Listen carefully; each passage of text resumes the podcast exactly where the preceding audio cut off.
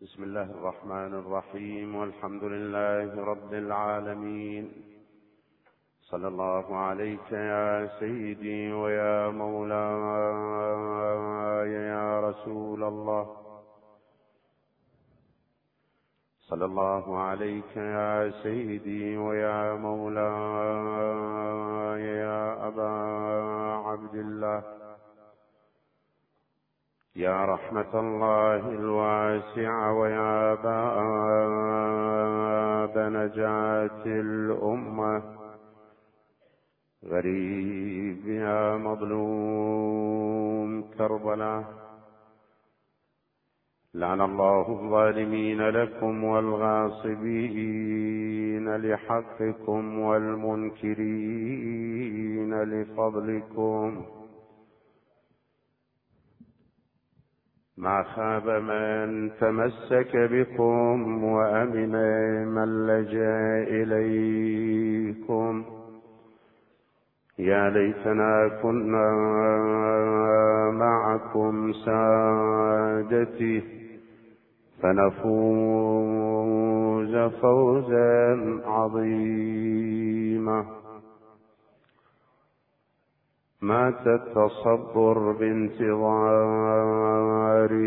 أيها المحيي الشريعة. انهض فما أبقى التحمل غير أحشاء جزوعة قد مزق الثوب الأسى وشكت لواصلها القطيع. كم ذا القعود ودينكم هدمت قواعده الرفيع. تنعى الفروع أصوله وأصوله تنعى فروعه وبه تحكم من أباح اليوم حوزته المنيعة فاشحذ شباع ضبا له الأرواح مذعنة مطيعة واطلب به بدم القتيل بكربلاء. واطلب به بدم القتيل بكربلاء في خير شيعة. يا فرج الله ماذا يهيجك لو صبرت لوقعة الطف الفظيع. أترى تجيء فجيعة بأمض من تلك الفجيعة حيث الحسين على الثرى خيل العدا طحنت ضلوعا حيث الحسين على الثرى خيل العدا طحنت ضلوعا قتلته آل أمية ومن إلى جنب الشريعة ورضيعه بدم الوريد مخضب فاطلب يا غيرة الله تفيد بحمية الدين المليعة ودعي جنود الله تملأ هذه الأرض الوسيعة لا حول ولا قوة إلا بالله. العلي العظيم إنا لله وإنا إليه راجعون. وسيعلم الذين ظلموا أي منقلب ينقلبون والعاقبة للمتقين. طبعا ثابت في عقيدة الإمامية أن الإمام الثاني عشر عجل الله فرجه الشريف حي يرزق. وهم يتحرقون لظهوره وأرواحنا لتراب مقدمه الفداء. لكن هذه الفكرة أصبحت بالتأكيد مدعاة إلى كثرة من النقاش والتشكيك والتشكيك ليست بوجود منقذ. هناك وجود منقذ آخر الزمان هذا ما اجتمعت عليه كل الأديان. يعني ترى بالمناسبة مو بس المسلمين الذين يقولون بوجود منقذ وإنما حتى الديانات الوضعية. الديانات الوضعية المعروفة على سبيل المثال للحصر يعني افرض المغول يعني مو ديانة يعني.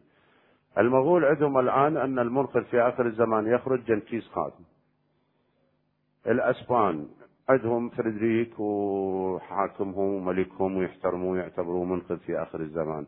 يعني أن فكرة وجود منقذ في آخر الزمان موجود. ليش موجودة؟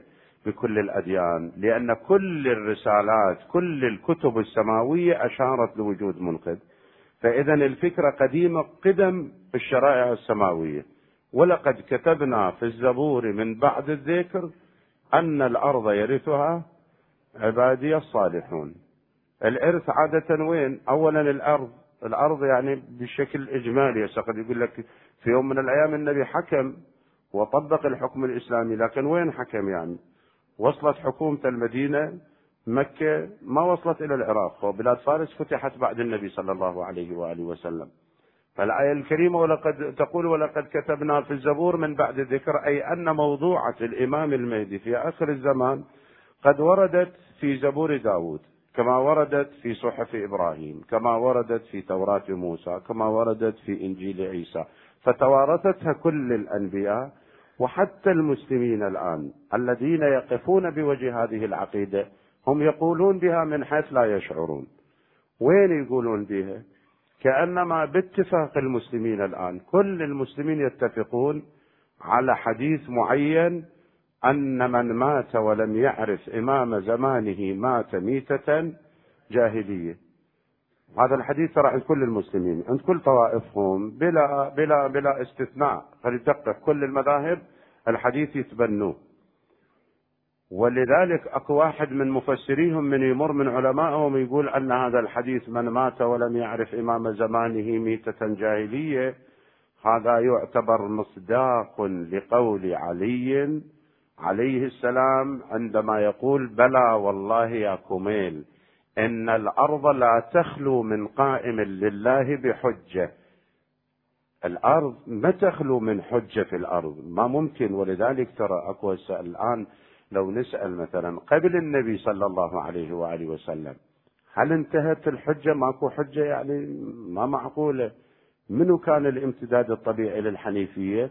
قد ما تستقر الروايات يكون الامتداد الحنيفي للحنيفية عبد المطلب لأن التوحيد لازم يكون موجود. يعني ما ممكن في يوم من الأيام ينتهي التوحيد وتطبق الأرض كلها على الشرك. عبد المطلب ومن بعد أبي طالب رضوان الله عليه. ولذلك هناك سؤال يسأل به الإمام موسى بن جعفر سلام الله عليه.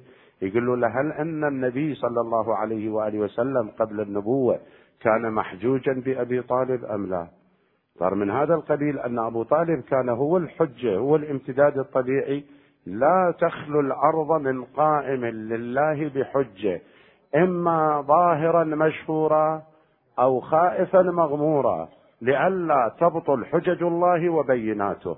ليش؟ لأن الله تبارك وتعالى ألزم نفسه. لو ترجع الآن للأصول لأصول الدين التوحيد العدل النبوة الإمامة المعاد. قد يختلفون بها بعض المسلمين يعني بعضهم يقول التوحيد والنبوة والمعاد. عدل ما في مو شرط يعني. ليش عدل مو شرط؟ بحجة بدليل يأخذ ظاهر القرآن. القرآن الكريم يقول لا يسأل عما يفعل وهم يسألون. يعني الله تبارك وتعالى لما يتصرف بشيء ماكو حكومة من فوق تسأله. وعلى هذا الأساس هو بكيفه يعني مو ملزم بالعدل. ممكن يقلب المقاييس ويستخدم الظلم. الإمامية يقولون لا هي مو مسألة حكومة فوق تحاسبة أو ما تحاسبة. هذا اللي ينظر للحكومة ينظر للشرطة ينظر للكاميرا الموجودة بالشارع عندما يمشي.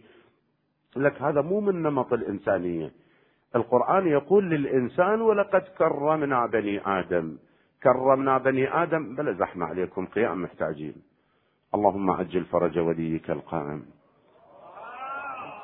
بس طبوا شوي على هاي الأجنحة طبوا على اليمين واليسار حتى تفسحون مجال. فمسألة الحجة يعني الله تبارك وتعالى نعم لا يسأل عما يفعل وهم يسألون لكن الله يترفع بابن آدم ولقد كرمنا بني آدم. واحدة من, من أسباب التكريم أن الإنسان ما يستخدمون ويا لغة القوة. ولغة العصا. شوف حتى بالدعوة إلى الله الآن لما لا إكراه في الدين ادعو إلى سبيل ربك بالحكمة والموعظة الحسنة وطالبهم وجادلهم بالتي هي أحسن. يعني الله ما راد فرد شيء اسمه بقوة واستخدام القوة للبشر. ولهذا الله تبارك وتعالى ترى يرضى بالإنسان عن متابعة الشرطي. يعني أنا أمشي بالشارع فرد سرعة مقررة 120 متر 120 كيلو بالساعة بها الشارع. هذا الشارع مقررة بسرعة 100 كيلو. أنا أباوع للكاميرا. أكو كاميرا أشير رجلي. من أعبر الكاميرا أضخ البنزين. هذا يقول للإنسان ليش أنت تتابع للكاميرا؟ هذه من شروط إنسانية أنك حتى لا تعرض غيرك. تدري أكو أكو بعضهم من يذهب إلى أن المشي السرعة الجنونية. إذا صار بها حادث دهس يعتبر من القتل العمد. ليش من القتل العمد؟ انت تدري هي سيارة برغي واير وسلك وفتشي فتحدث تصير طارئ آه، بعد المقود مال السيارة ما يكون بيدك. وتعال شوف بمن ترتطم هسه إذا بحجر بشيء هذا يموت لجهنم. هو مات بذنبه لكن من يجي على اثنين ثلاث أبرياء واقفين لهم بالستاره الاشياء شنو ذنبهم؟ يقول له اتقت العمد هذا. بس هو لو يعرف يخلوا جو التاير بالعقوبة فما يمشي هالشكل. لكن يعرف أكو مني ويمشي الفلوس وتخلص المسألة. فد مبلغ معين من المال والمبلغ موجود المعاملات الربوية وهي والمصادر المشروعه وش غيرها. فشاهد الحديث أن القرآن الكريم يرضى بالإنسان عن متابعة كاميرا متابعة شرطي وأنا أبا أكو شرطي أكون منضبط بسلوكي. ماكو شرطي أنفلت بسلوكي. لا يقول لها الصندة والهراوة تستخدم للحيوان. أما الإنسان يكون هو بحد ذاته يعرف ما له وما عليه يعرف موضع قدمه يندله فإذا هالشكل مطلوب من الإنسان ما رأيك بالذات المقدسة؟ الله تبارك وتعالى يعني الله هم يحتاج لسلطة فوقها وإذا ماكو سلطة تحاسبه لازم يرتكب الظلم. أصلا إحنا نسأل أن الظلم حسن أم قبيح؟ مو مو هي ترى أكو قد خاف نطلع شوي عن الموضوع. أكو اختلاف الآن بين المسلمين. أن القبح والحسن عقليان أم شرعيان؟ يعني الآن أنت ليش تستهجن الكذب؟ ليش تستهجن الغيبة؟ ليش تستهجن الزنا أجلكم الله؟ يقول هذا القبح ماله؟ لأنه قبيح تتقزز منه. هذا القبح شرعي لأنه الشرع حرمه. ولذلك أنا صرت أستقبحه. يعني الشرع لو قايل لي الكذب حلال أستسيغه؟ يقول لا. هو القبح عقلي. والله تبارك وتعالى الشارع المقدس سيد العقلاء. ولذلك يتماشى مع مضامين العقل فاللي يستقبح العقل أقرت حرمته الشريعة فإذا الحسن والقبح هما عقليان قبل أن يكونا شرعيان. وإجا الشرع المقدس وإلا فرد يوم من الأيام خو جعفر ابن أبي طالب سلام الله عليه. طبعا جعفر جعفر ثالث واحد دخل الإسلام. ثالث واحد أسلم جعفر. لكن دمر بيس يقولوا لك ثالث واحد حتى 13 ميت تسلسل. دخل أبو طالب رضوان الله عليه وجد النبي صلى الله عليه وآله وسلم يصلي وخلف علي وخديجة. التفت لجعفر قال صل جناح ابن عمك. يعني شكل معه بالجانب الثاني وفعلا شكل معه بالصلاة ولذلك المنصفين الآن يقولون عنه كرم الله وجهه لأنه ما سجد لصنم قط. هو سأل النبي إن القبح والحسن. سأل النبي صلى الله عليه وآله وسلم قال إن الله يشكر لك أربع خصال فعلتها في الجاهلية قبل الإسلام. ما كان أكو دين يحرم عليك. قال بلى والله يا رسول الله. أعلم أني ما سجدت لصنم قط. ماكو شرع قال لي هذا قبيح لكن أنا استقبحت لأني علمت أنه لا يضر ولا ينفع. معقول أنا أصلي للحجارة. واعلم أني ما كذبت قط لأني علمت أن الكذب يذهب المروءة. لأنه ماكو حرمة ذاك اليوم لكن هو قبيح قبل أن يشرع علمت أن الكذب يذهب المروءة واعلم أني ما شربت الخمر قط. ما جاي قرآن فيها وقال إنما الخمر والميسر إلى آخر التحريم. لكن أنا علمت إن شربتها طار عقلي وأنا الله ميزني عن ال... عن ال... الكائنات الأخرى عن الحيوانات الأخرى بها الطاقة العقلية. وهسه هذا واحد في يوم من الأيام ملك من الملوك قاعد والخمرة بين يديه. هو ليش نقول ملك هو يقول خليفة بعد الفضاء دخل عليه هذا دخل عليه واحد مجنون جابه قال له تفضل اشرب. قدم له خمرة. قال هسه أنا أنت تشرب حتى تكون مثلي. أنا أشرب حتى أصير مثل من أنا من يمي خلصان عقلي. مو أنت ليش تشرب غير حتى تصير مجنون مثلي؟ فأنا قافض من من مكاني. فشاهد الحديث يعني يقول له ما شربتها قط لأني علمت إن شربتها طار عقلي. واعلم أني ما زنيت قط بس استقبحت لأني خفت أن أفعل فيفعل بي. فاحترمت أعراض الناس حتى يحترمون عرضي اذا الحسن والقبح هما عقليان. فلا زال لو نسأل الآن نقول هل أن الظلم حسن لو قبيح؟ بس واحد تتقزز نفسه من الظلم بس من يجي يوقع عليه تشوفه مع نفسك تقبل واحد يظلمك. ولذلك الإمام الهادي سلام الله عليه عنده وصية لطيفة يقول إن ظلمت فلا تظلم. أنت مو مو الناس تظلمك أنت تقابل الناس بالمثل. هذا سلوك أهل البيت. أنا أكو بعض الأخوة مو الكل يعني بعضهم مع الأسف يعني هو والله أنا أقدر ظرفه. ليش؟ لأنه مجروح. وأكو واحد ترى ما يقدر يعني يصير أكبر من الجرح، الجرح يدمي يقول ما زلت أعرف في يديها من دمي علقا. وهل تنسى ظناها المرضع؟ مو. حقه يعني. من تجي وطالبة بإنسانية وهو مجروح اتهم اعطيه مجال. أكو بعضهم يجي يقول أنت لما مثلا تدعو اللهم فرج عن أهلنا بغزة وشي أنت نسيت أنهم قعدوا فاتحة للزرقاوي قعدوا فاتحة إلى صدام الدكتاتور اللي قتلنا وأباد الشعوب اللي بصفه. نسيت أنه مو شكل حقيقة ترى هذا جرح يعني انت مو مو تنتقد هذا الرجل. لكن أنا أقول له أقول له أن سلوك أهل البيت وأخلاق أهل البيت ترى هي هاي. إحنا ليش يعني نحمل؟ إما أن نكون ننتمي لهالمدرسة وهاي المدرسة عمرها ما عرفت الحقد. هاي المدرسة ما في استخدمت من ظلامتها طريق وسلم للنصر.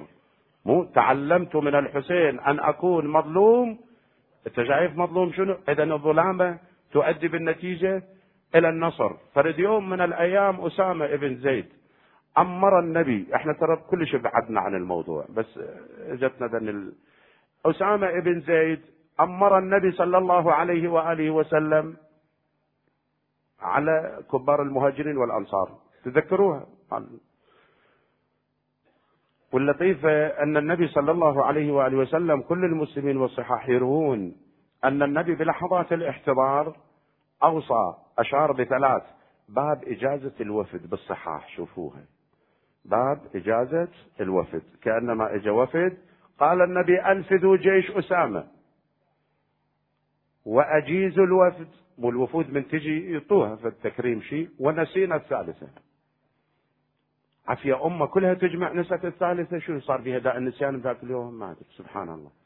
يعني كلها نسأت الثالثة شنو قال النبي؟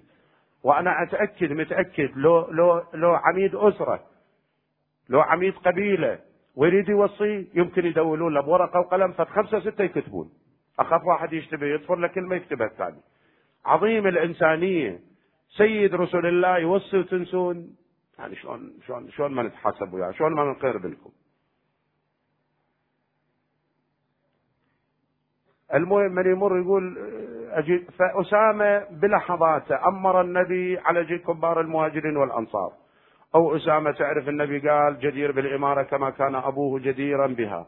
وقال وقال ومجد أخيرا أسامة طلع خارج السرب موتي ما بايع علي بن أبي طالب. موقفه كان سلبي جدا. دنت منه الوفاة. دخل ضمن الداخلين علي الإمام علي بن الحسين. بربك انت لو بيجي موقف تروح تعوده هذا بلحظات الاحتضار. شوف اللطيفة مو بس العيادة. طبعا علي أصحاب المقربين منا قاعدين والرجل ينادي واغماه شنو هذا؟ شبيه واغماه قال له ما الخبر؟ قال له ديني ما أقدر انام وديون عندي وراح أموت وديني ستين ألف ثقيل. باهظ. ذول يسمعون. طبعا اللي افنى حياته من أجلهم وخسر الآخرة من أجلهم. ما ردوا عليه بشيء. قال له الإمام لا يهمك هو علي. قال له عليك شلون يعني أنا أريد وفاء اليوم؟ شنو عليك؟ قال اليوم يتوفى. ودق المال قال لهم أحملوا المال. جابوا مال حطوا يم رأس اسامه قال له هاي ستين ألف ادفع لديونك. هذه أخلاق أهل البيت. أما إحنا نعابي ونحسب وذيك يا ما انظلمنا على مر التاريخ وحقك حقك الناس شبعت شربت حتى من دمائنا شراب. مو؟ مو قالت له في يوم من الأيام. هذا عبد الملك بن مروان يسموه حمامة المسجد. مو شي؟ حمامة المسجد. اجا واحد قال له انت اختاروك خليفة ومروان مات. يقول صدق بالقرآن. قال هذا فراق بيني وبينك. خلاص مع السلامة. فدخلت فرد يوم امرأة على حمامة المسجد من أقاربه من بني أمية. قالت له بلغني أنك تشرب النبيذ. صدق يعني هذا الحكي قال حتى الدماء شربتها. لو ظل على الخمر زين.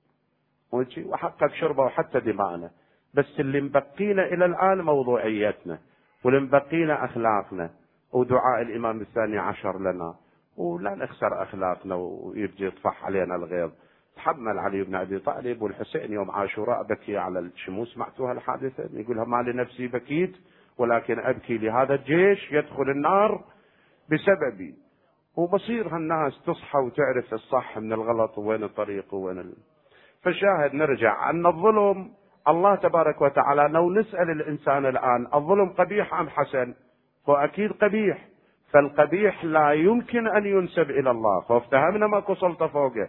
لكن لا زال أن الظلم قبيح فالله تبارك وتعالى يتنزه عن القبيح. اذا التوحيد والعدل والنبوة والإمامة. النبوة شلون؟ النبوة وما كنا معذبين حتى نبعث. ليش؟ لأن علماء الأصول يقولون قبح العقاب بلا بيان. انت ما يصير ابنك إذا ما مبلغ على شيء أو تجي تعاقبه ليش ما سويته؟ قبح العقاب بلا بيان. كون تبلغ وبعدين تحاسب. ولذلك 124 ألف نبي. طيب هال 124 ألف نبي وآخرهم خاتم الأنبياء محمد صلى الله عليه وآله وسلم؟ فيذول الآخر الخاتم صلوات الله وعلى آله أفضل الصلاة والسلام. هذا الخاتم لما يجي عاش في الأمة 23 سنة.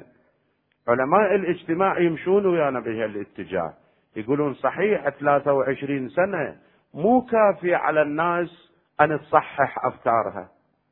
يعني تصور أنا ابن حضارة معينة. انت هسه لو أوديك 23 25 سنة لأوروبا تقدر تتأقلم تصير أوروبي ب 23 سنة؟ لو تبقى حضارتك هاي اللي عشتها ومواريثك الاجتماعية شادة بذهنك. أكيد أكو رواسب ماضي قديم وحضارة باني عليها فكر من آباء وأجداد يجي واحد ب 23 سنة يعني مثل ما أكو ناس الآن يطالبون شعب العراق إنه يكون يرجع كشعوب طبيعية والصبح انت تدق سلف منا وتحرك الصبح تتغدى بالنجف. ومناطق آمنة هي آمنة إن شاء الله تصير آمنة لكن تدريجا ليش؟ لأن هذا عايش على ثقافة. في يوم من الأيام كانت عنده حتى أفلام الكرتون مدفع ودبابة. أنت شايف أفلام الكرتون بالعراق بالتلفزيون للطفل. مو مثلكم وردة ومزهرية وغصن زيتون. لا مدفع ودبابة. تتقاتل فيها. يعني انت عاش هذا على ثقافة. صدقوني حتى الكرة القدم لما يطلعون بدء انشوده شيء بكرة القدم الطوبة تجي كأنما مدفع مساوي مش تعلي طب الشبكة. هذا تعلم على ثقافة عنف على ثقافة قوة. يعني تجي حكومة بثلاث أربع أسابيع بأربع خمس سنين تغطى الشط والطلعة ويطلع لك شعار معافى سليم. لا الحمد لله والشكر إذا يمشي له ب 20 30 سنة يركب الجادة الطبيعية. ترى الحضارة مو مو سهلة. فعلماء الاجتماع يقول انت 23 سنة اجى النبي صلى الله عليه وآله وسلم بمجرد أن التحق بالرفيق الأعلى انتفضت الجاهلية من جديد. يعني تقدر تتأقلم الناس ب 23 إذا فكرة وجود 12 إمام كلام لعلماء الاجتماع فكرة وجود اثني عشر إمام نحن نعتقد بها لأنها ضرورية للتغيير الحضاري يسموه. التغيير الحضاري مطلوب. يعني أنا النبي 23 سنة أنا عايش في فكر أن مجتمع طبقي سيد ومسود غني وفقير عالم وجاهل وكل واحد مو إلى مقياسه وإلى شيء. اجى الإسلام قال كل هذه الثوابت تلغى. إن أكرمكم عند الله أتقاكم. بمجرد أن غاب النبي والتحق قالوا شو جيبوا دول الأعاجم اللي من أصول فارسية؟ جيبوهم خلينا نحط لهم فرد ختم. من يمشي؟ شلون الإبل؟ إحنا اخو أهل نعرف البادية وثقافته. مو الإبل يوسموها حتى واحد يميز عن الثاني صاروا يوسمون الناس حتى يبين هذا عربي من الدرجة الأولى وهذا من الدرجة الثانية. هذا يستحق الجنسية هذا ما يستحق. هذا المفهوم التفاوت الطبقي اللي حصل الإسلام قال بهذا؟ ما قال فيه. جاهليا انتفضت من جديد. يمشي سلمان المحمدي أمير المدائن. ويجي واحد من أهل المدائن بسيط لأنه عربي من العرب الأصلاء شايل مسواق عند بعض الحاجيات عفش يصيح لسلمان المحمدي يا علج احمل معي. ليش؟ لأنه عجبي مبين ثوبه وحركته وشيف هذا عجمي لازم يبقى خادم عندي. ولذلك نشأت الشعوبية. إحنا مو قلت الموضوع ضاع علينا. الشعوبية تعرف ليش نشأت؟ الآن يسمون شعوبية الشيعة شعوبية. ليش؟ لأنهم يحتقرون العرب. هي الشعوبية احتقار العرب. هم الشيعة هم عرب. الشعوبية مو إحنا اللي سويناها. رمتني بدايها وانسلت. الشعوبية اللي نشأتها هذا الفكر المتطرف. هذا الفكر المتطرف هو اللي أنشأ الشعوبية، يعني أنت لما تصيح له يا علج إيش تتأمل منه يحترمك؟ عيسى ابن مريم على نبينا وآله وعليه أفضل الصلاة والسلام. يقول أن المتكبر كالواقف على قمة جبل يرى الناس صغار وهم يرونه أصغر. إذا أنت تصيح له يا علج وتوسمه حتى يعرف أن هذا من الدرجة الثانية. نفى بدأ النفس الشعوبي، صار عملية الحقد على العرب. بعدين هم الحمد لله والشكر إجت فسمة أخيرة كل شيعي هو فارسي ولا ألف للفرس صار هذا الحكم الأخير النوم يعني يعني مالك الأشتر من النخاع من مدحاج من هذه تروح بمصر تسأل من القبر قبر العقمي. ليش عقمي؟ لأنه شيعي. صلاح الدين الأيوبي كردي روح اقرأ تاريخه بالعرب شلون؟ يحطوا في قمة في صحوة المجد للقادة العرب لأنه ذبح الشيعة بالحكم الفاطمي. صارت المقاييس بهالشكل هذا ولاء البلاد فارس ذاك ولاء الشين وكأنما ما عندهم حس وطني أصلا وكأنما التشيع منشا من هناك. شو علي بن أبي طالب حجازي؟ هو شيعة شيعة من يعني؟ غير شيعة علي بن أبي طالب؟ علي بن أبي طالب من الحجاز. فشاهد الحديث بدأ النفس الشعوبي من هذا.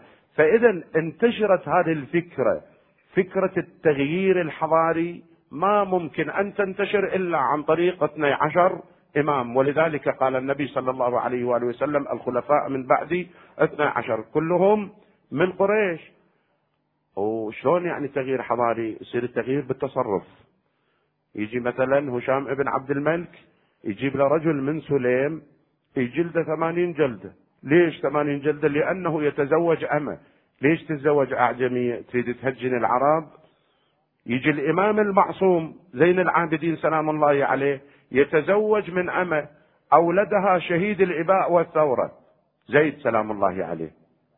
لما يسأله هشام يقول له أنت الذي تنازعك نفسك إلى الخلافة وأنت ابن أمة. شنو بالدين؟ ماكو ابن أمة كو بالدين إن أكرمكم عند الله. مجرد يصحح فكرهم ما تصحح الفكر. التفت لزيد قال يا هشام إن الأمهات لا يقعدن بالرجال عن الغايات. وقد اختار الله لنبوته ابن أمة وهو إسماعيل ابن هاجر والنبوة أعظم من الملك. لكن هم ظهر بمقاييسهم أصبحت فيما بعد أن الملك أعظم من النبوة. لأن الحجاج يقول يطوفون برمة بالية على قبر النبي صلى الله عليه وآله. والله لو طافوا بقصر أمير المؤمنين عبد الملك ابن مروان لكان خير لهم. بعدين يكتب لعبد الملك يقول له إن خليفة الرجل على أهله خير من رسوله إليهم. إليهم. أنت شايف الإجرام اللي يصير؟ يعني شنو خليفة؟ يعني أنت من تسافر تستخلف واحد على بيتك أكيد لازم يكون خوش ادمي وأمين. بينما إذا رسول خو مو بالضروره يا باي رساله وديها اذا الخليفة أعظم وأهم وأفضل من النبي. هذا الحساب هذا شلون يعني؟ ليش 23 سنة ما تاقلمت الناس؟ اذا تحتاج إمام معصوم يحافظ على هيكل الدين يحافظ على بيضة الإسلام. فنشأت هذه الفكرة وأقرتها السماء ونزلوا بالنص كما نعتقد نحن بالنص الإلهي من النبي صلى الله عليه وآله وسلم أولهم علي بن أبي طالب وآخرهم الحجه بن الحسن. اللهم صل على محمد. فنرجع إلى الحديث الموجود عند كل المسلمين من مات ولم يعرف إمام زمانه مات ميتة جاهلية يعني هذا مثل ما يقول قلت لك العالم من علماء الجمهور يقول هذا مصداق لقول أن الأرض لا تخلو من حجة. بلى يا كميل أن الأرض لا تخلو من قائم لله بحجة إما ظاهرا مشهورا أو خائفا مغمورا لئلا تبطل حجج الله وبيناته. قل لهم الحجة بن الحسن موجود الإمام الثاني عشر موجود سنة 255 مولود. يقول لك ماكو دليل. نعم أكو منقذ باخر الزمان يطلع. بس هو اولا مو من أولاد الحسين. يواطي اسمه اسمي واسم ابيه اسم أبي. هذه الفكرة مال اسم أبي. تعرف منشاها منين؟ من اجتمعوا بني هاشم بالأبواء بضمنهم بني العباس وقرروا أن يسقطون الدولة الأموية واتفقوا على بيعة محمد للنفس الزكية ابن عبد الله المحض ابن الحسن المثنى. هذا مو ابن عبد الله؟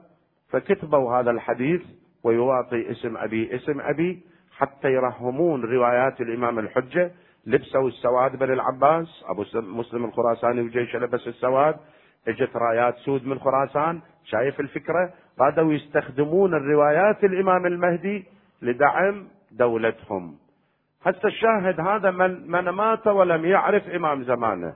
سأنت يولد في آخر الزمان. واثنين أنه مو من أولاد الحسين من أولاد الحسن. هم ماكو مانع إحنا نتنزل معاك. نستسلم جدلا أنه يولد آخر الزمان. طيب إحنا اليوم أبناء هذا الزمان. من مات ولم يعرف إمام زمانه مات ميتة جاهلية أنت تقول وتعتقد بهذا الحديث. أنا من أموت شنو ذنبي؟ أموت ميتة جاهلية. وإلا فمن إمام زماني؟ مشيني على جادة. بالنسبة للإمامية مطمئنين أن إمامهم الثاني عشر موجود لكن أنت المسلمين كلهم يعتقدون بهذا الحديث أن من مات ولم يعرف إمام زمانه مات ميتة جاهلية. أنا ما أريد أطعن بواحد الآن. دول الإسلامية مؤتمر القمة الإسلامي مو اللي اللي خلص اجتمع وخلص غزة خلص هاي الناس الضحايا الموتى هذا المؤتمر الإسلامي أريد أعتبر كل عضو بالمؤتمر ولي أمر. من المسلمين شو نسميه إحنا إمام؟ مو؟ أنه هذا إمامي أنا ما ميت ميتة جاهلية. إمامي هذا. سواء علماني سواء شلون ما يكون. لكن أنا مسلم بأوروبا عايش بأمريكا وارد أموت. إمام زماني بوش؟ شلون يعني؟ لازم تمشيني على طريق يعني. مو؟ لا مو نكتة. مو هي ألم مرارة. مو أنت جاي تقول له للمسلم من مات ولم يعرف إمام زمانه مات ميتة جاهلية. منو إمام زمانه إذا هي طارحة فكرها. طارحة مئة بالمئة أن إمام الدنيا وإمام العالم وزعيم العالم هو الحجة بن الحسن.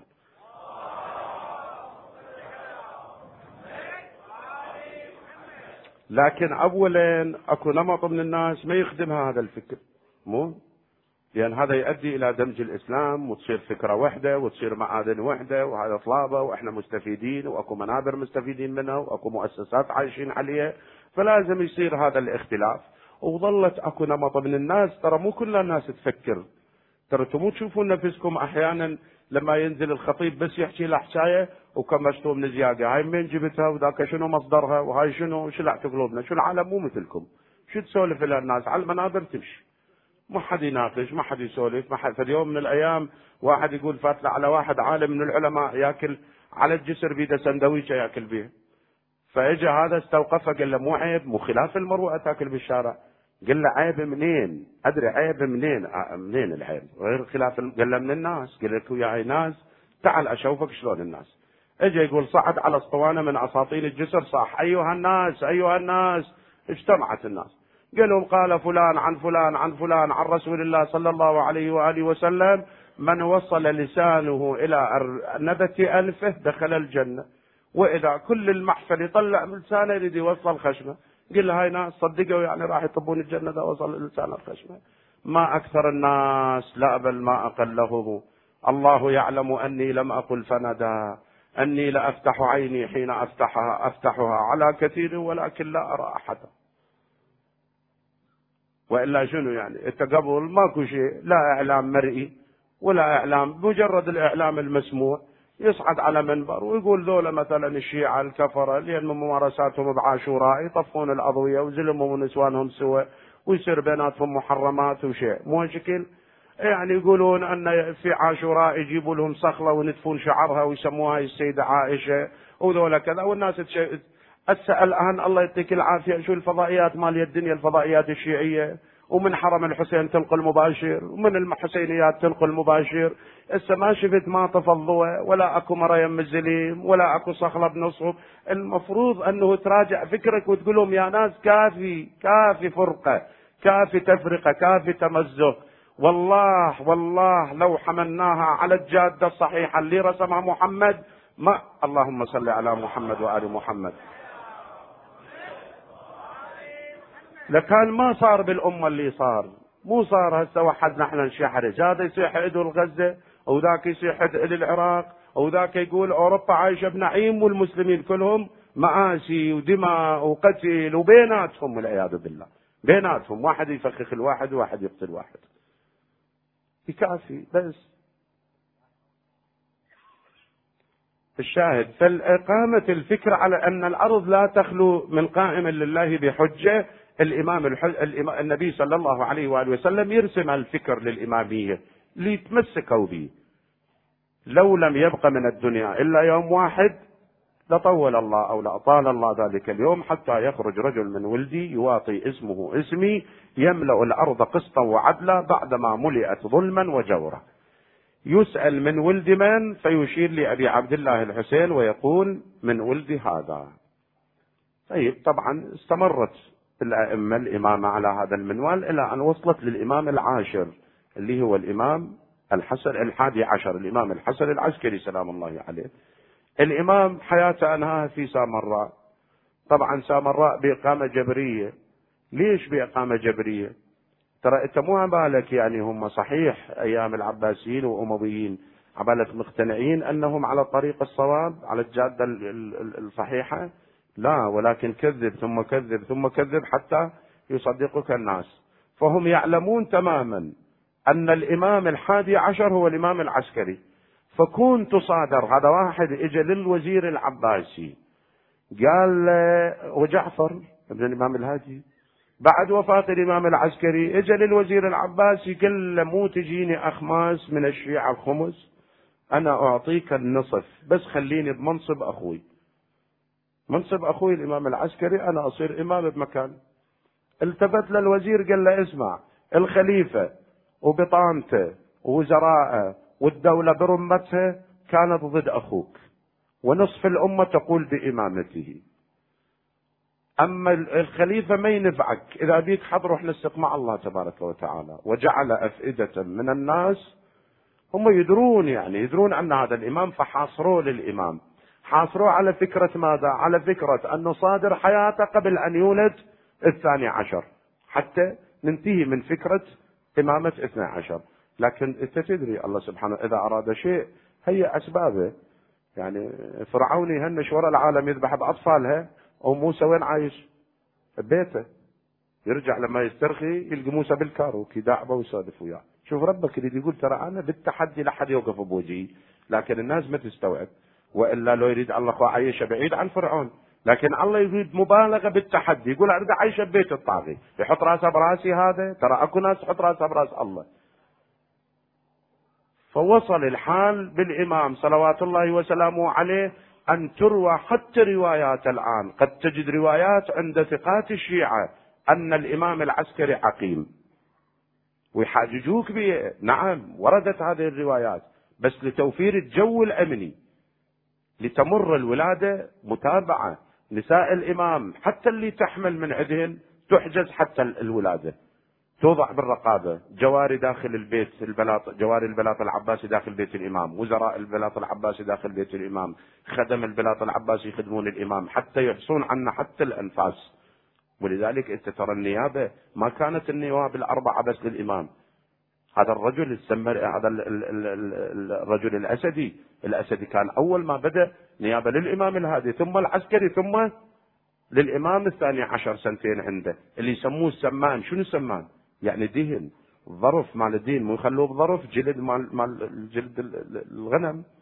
مو يخلون الدين ويخلي الرسائل والحق الشرعي بهذا ويتظاهر أنه باع سمن ويطبل بيت الإمام على اعتبار يبيع دهن ويوصل الحق الشرعي بهالشكل ما كانت أكو أكو فرد نوع من الانفراج السياسي أو الهدوء النسبي بحياة الإمام. فمرت الولادة بأمنية في ليلة الخامس عشر من شهر آه، شعبان المعظم لسنة 255 للهجرة. حكيمة بنت الإمام الجواد تروي احداثه تقول أرسل إلي الإمام العسكري قال اجعلي إفطارك عندنا الليلة إنها ليلة النصف من شعبان. بعد ما صلينا وافطرنا قلت له أرجع المقري قال لي لا.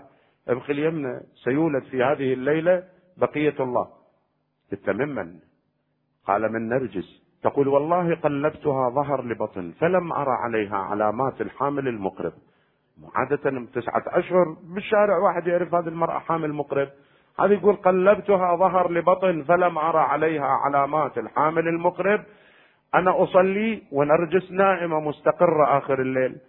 طلعت أستوضح الفجر وإذا بالفجر الأول كذنب السرحان. هذا الفجر الكاذب يسموه كتب الفقه. أنا بنفسي قلت يا سبحان الله وين الوعد؟ شو نرجس نايمة يعني ماكو ولادة ولا حمل ولا شيء. وإذا بالإمام من مصلى يقول لي عمة إن الأمر لم يحل بعد لا تعجلي. رجعت صليت ركعات وإذا بنرجس قامت فزعه مرعوبة. وهي ترى ما ترى الحامل أثناء النفاس الولادة. تقربت منها شيء لحظات قليلة تقول الحديث للسيدة سلام الله عليها لبنت الإمام الجواد تقول لحظات وإذا بسيدي ومولاي يقع ساجدا على الأرض رافعا سبابته إلى السماء.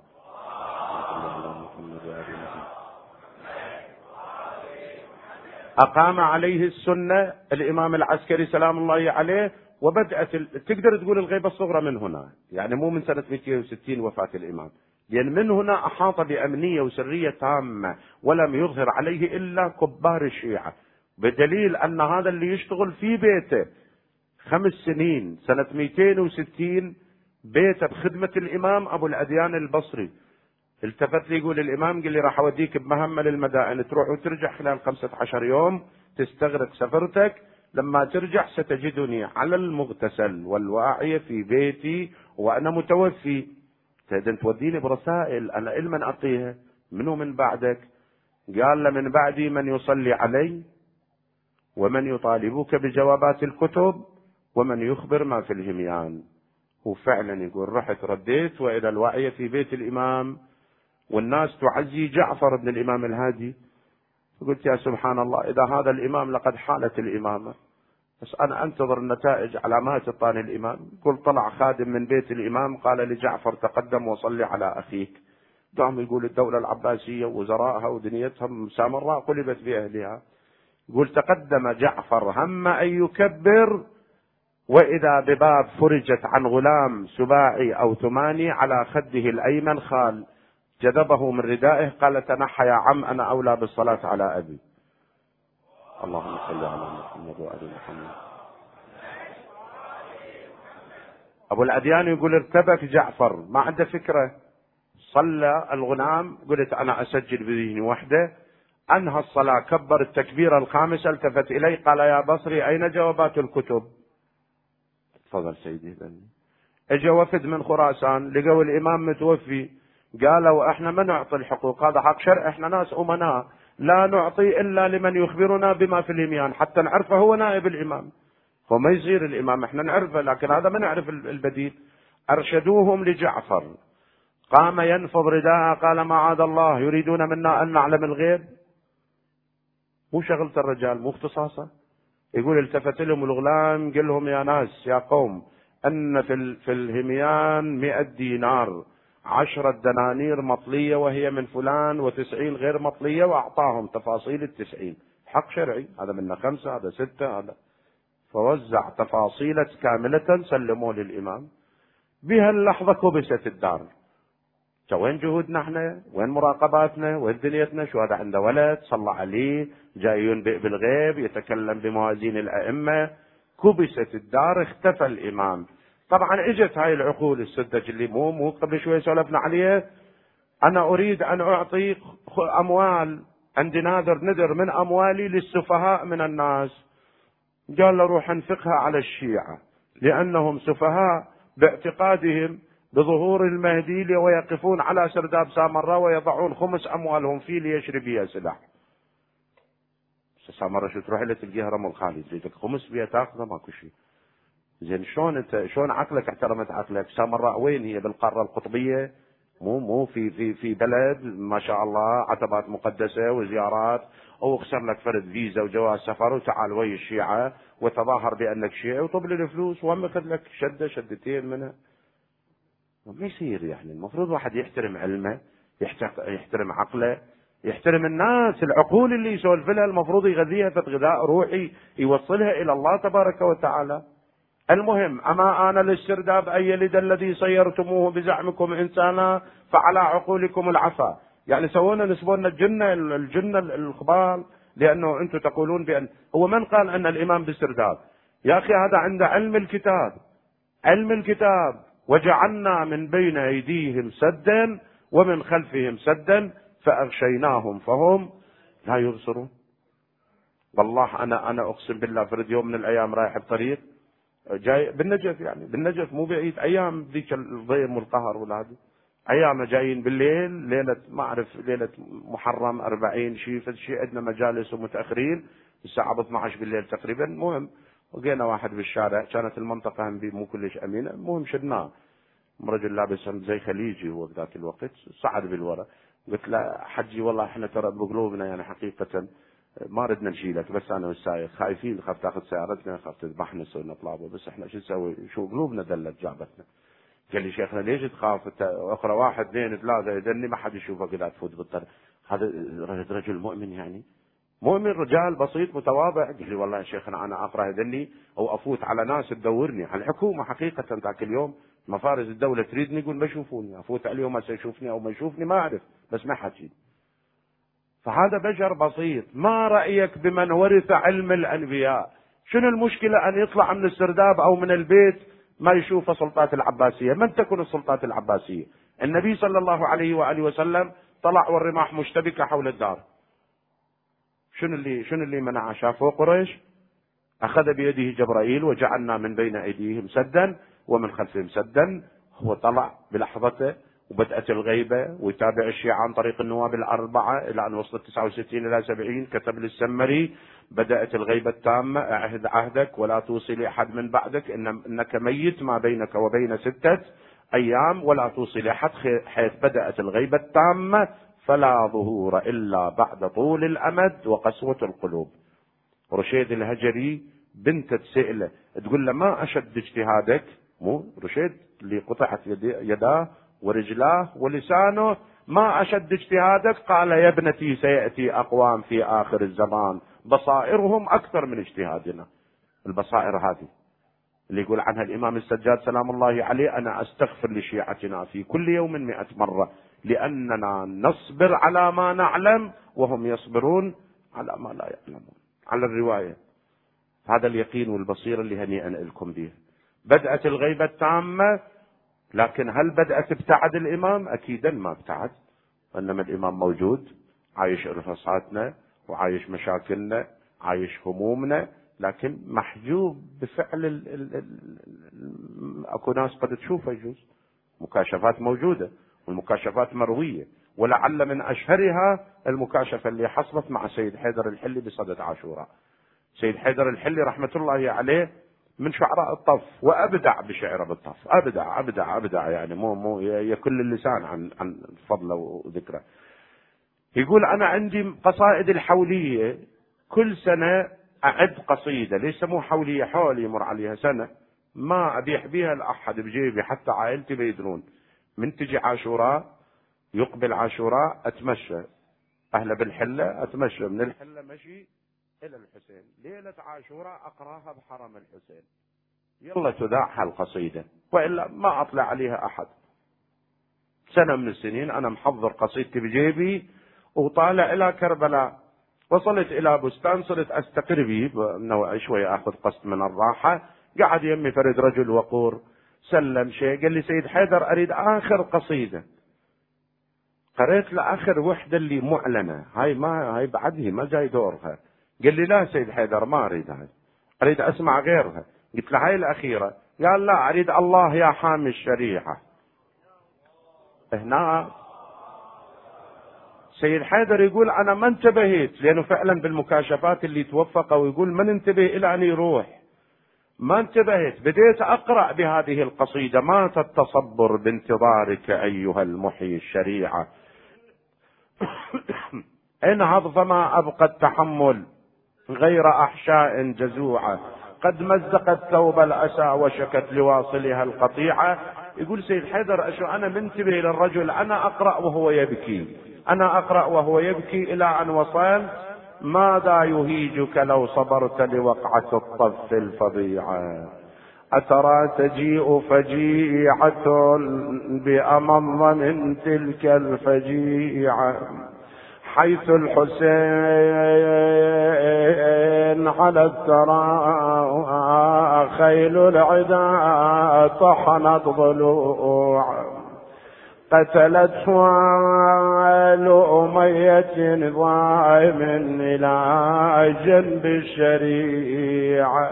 وإذا به يقوم على قدميه دموع تتحدر على خديه ينادي كفى كفى يا سيد حيدر والله لقد قطعت نياط قلبي. أنا مأمور الأمر ليس بيدي. هنا أكو سؤال يتوجه للإمام. يقولوا له سيدي مما بكائك في كربلاء؟ أريد لي ألمك بالشدة حتى نتعاطف معاه تبكي لشبيه رسول الله. قال لا أنا أبكي لمن لو رآه علي الأكبر لبكى. قال سيدي تبكي لأبي الفضل العباس قال أبكي لمن لو رآه العباس لبكى. قال إذا تبكي لهيكل القداسة لأبي عبد الله الحسين. قال لا أنا أبكي لمن لو رآه الحسين لبكى. أنا أبكي لسبي عمتي زينب. وهذا يظهر نفسي أنا ما أستبعد هالرواية. ليش؟ لأنها تنسجم مع رواية أبي حمزة الثمالي. أبو حمزة يقول أنا دخلت على الإمام زين العابدين. قلت له يا ابن رسول الله أما آن لحزنك أن ينقضي؟ إن القتل لكم عادة وكرامتكم من الله الشهادة. ليش سيدي هذا البكاء الطويل؟ قال شكر الله سعيك يا أبا حمزة ولكن هل سمعت أذناك أو رأت عيناك أن علوي لنا سلبت قبل يوم عاشوراء والله يا أبا حمزة ما وقعت عيني على عماتي وأخواتي إلا وذكرت فرارهن يوم عاشوراء من خيمة إلى خيمة ومن خباء إلى خباء وفعلا اللي يألم زينب ويألم زينب أكثر مو بس السباع أن القسوة تجسدت أبشع من غيرها في واقعة الطف عندما مروا بهن على جثث القتلى تدرون سفانة سبية مشركة جابها جابها واحد وعلى ما أعتقد بلال. فصاح للنبي بلال عدمت من قلبك الرحمة ليش تسحب سبية بوسط قتلاها؟ قال له سيدي سبية مشركة والقتلى مشركين. قال وليكن خلي عندك إنسانية هاي مرأة كتلة من العواطف. ليش تجرح ما هذا قتل قتيل عندها أخو وعندها زوج وعندها ابن. مروا بزينب وأخوات زينب على جثة أبي عبد الله الحسين. مكبوب على وجهه جثة بلا رأس. زينب سلام الله عليها همت أن تلقي بنفسها من على ظهر ناقتها. لكن الإمام علي بن الحسين قال عم زينب ارحمي حالي عم ارحمي ضعف بدني إذا ألقيت بنفسك من يركبك. لأن زينب هي اللي ركبت العائلة وزينب جت للإمام السجاد قالت دعني أركبك. قال عم من يركبك أنت؟ حميد بن مسلم يقول ضبطته على الناقة قالت يا ابن أخي إنك عليل لا تقوى على الركوب ورجعت إلى ناقتها تتلفت يمينا وشمالا تريد من يعينها فلم تجد. يقول حميد جاءت إليها امرأة سوداء اللون سألت عنها قيل هي فضة خادمة فاطمة الزهراء. أركبتها بدل أن كان يتولى إركابها أبو الفضل العباس. عم ارحمي حالي عم ارحمي ضعف بدني. إن ألقيت بنفسك من يركبك. عم ودعي أخاك وأنت على ظهر الناقة قل ودعتك الله يا أعيوني يردون عنك ياخذوني.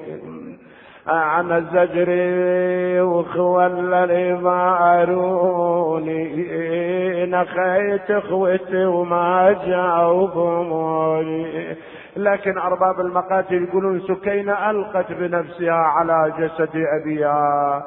تمددت بصفة تقبل بمنحره الشريف. ولذلك يروى عنها أنها سمعت من نحر الحسين صوت يقول يا بني اقرأي شيعتي عني السلام. لكن سحبت سكينة من جسد الحسين. سكينة قومي ما قامت ما قامت إلى أن تلوت على ظهرها سياط زجر. زياد خول الأصبحي قامت سكينة ولسان الحال تقول ابويا برضاك يا رغما علي. ابويا برضاك يا رغما عليك يجرني العدو من بين ابويا نصرخ وبير العين ليك وادري بحميتك ما تخليك. معذور معذور يا الحزة وريدي حملت على الأكوان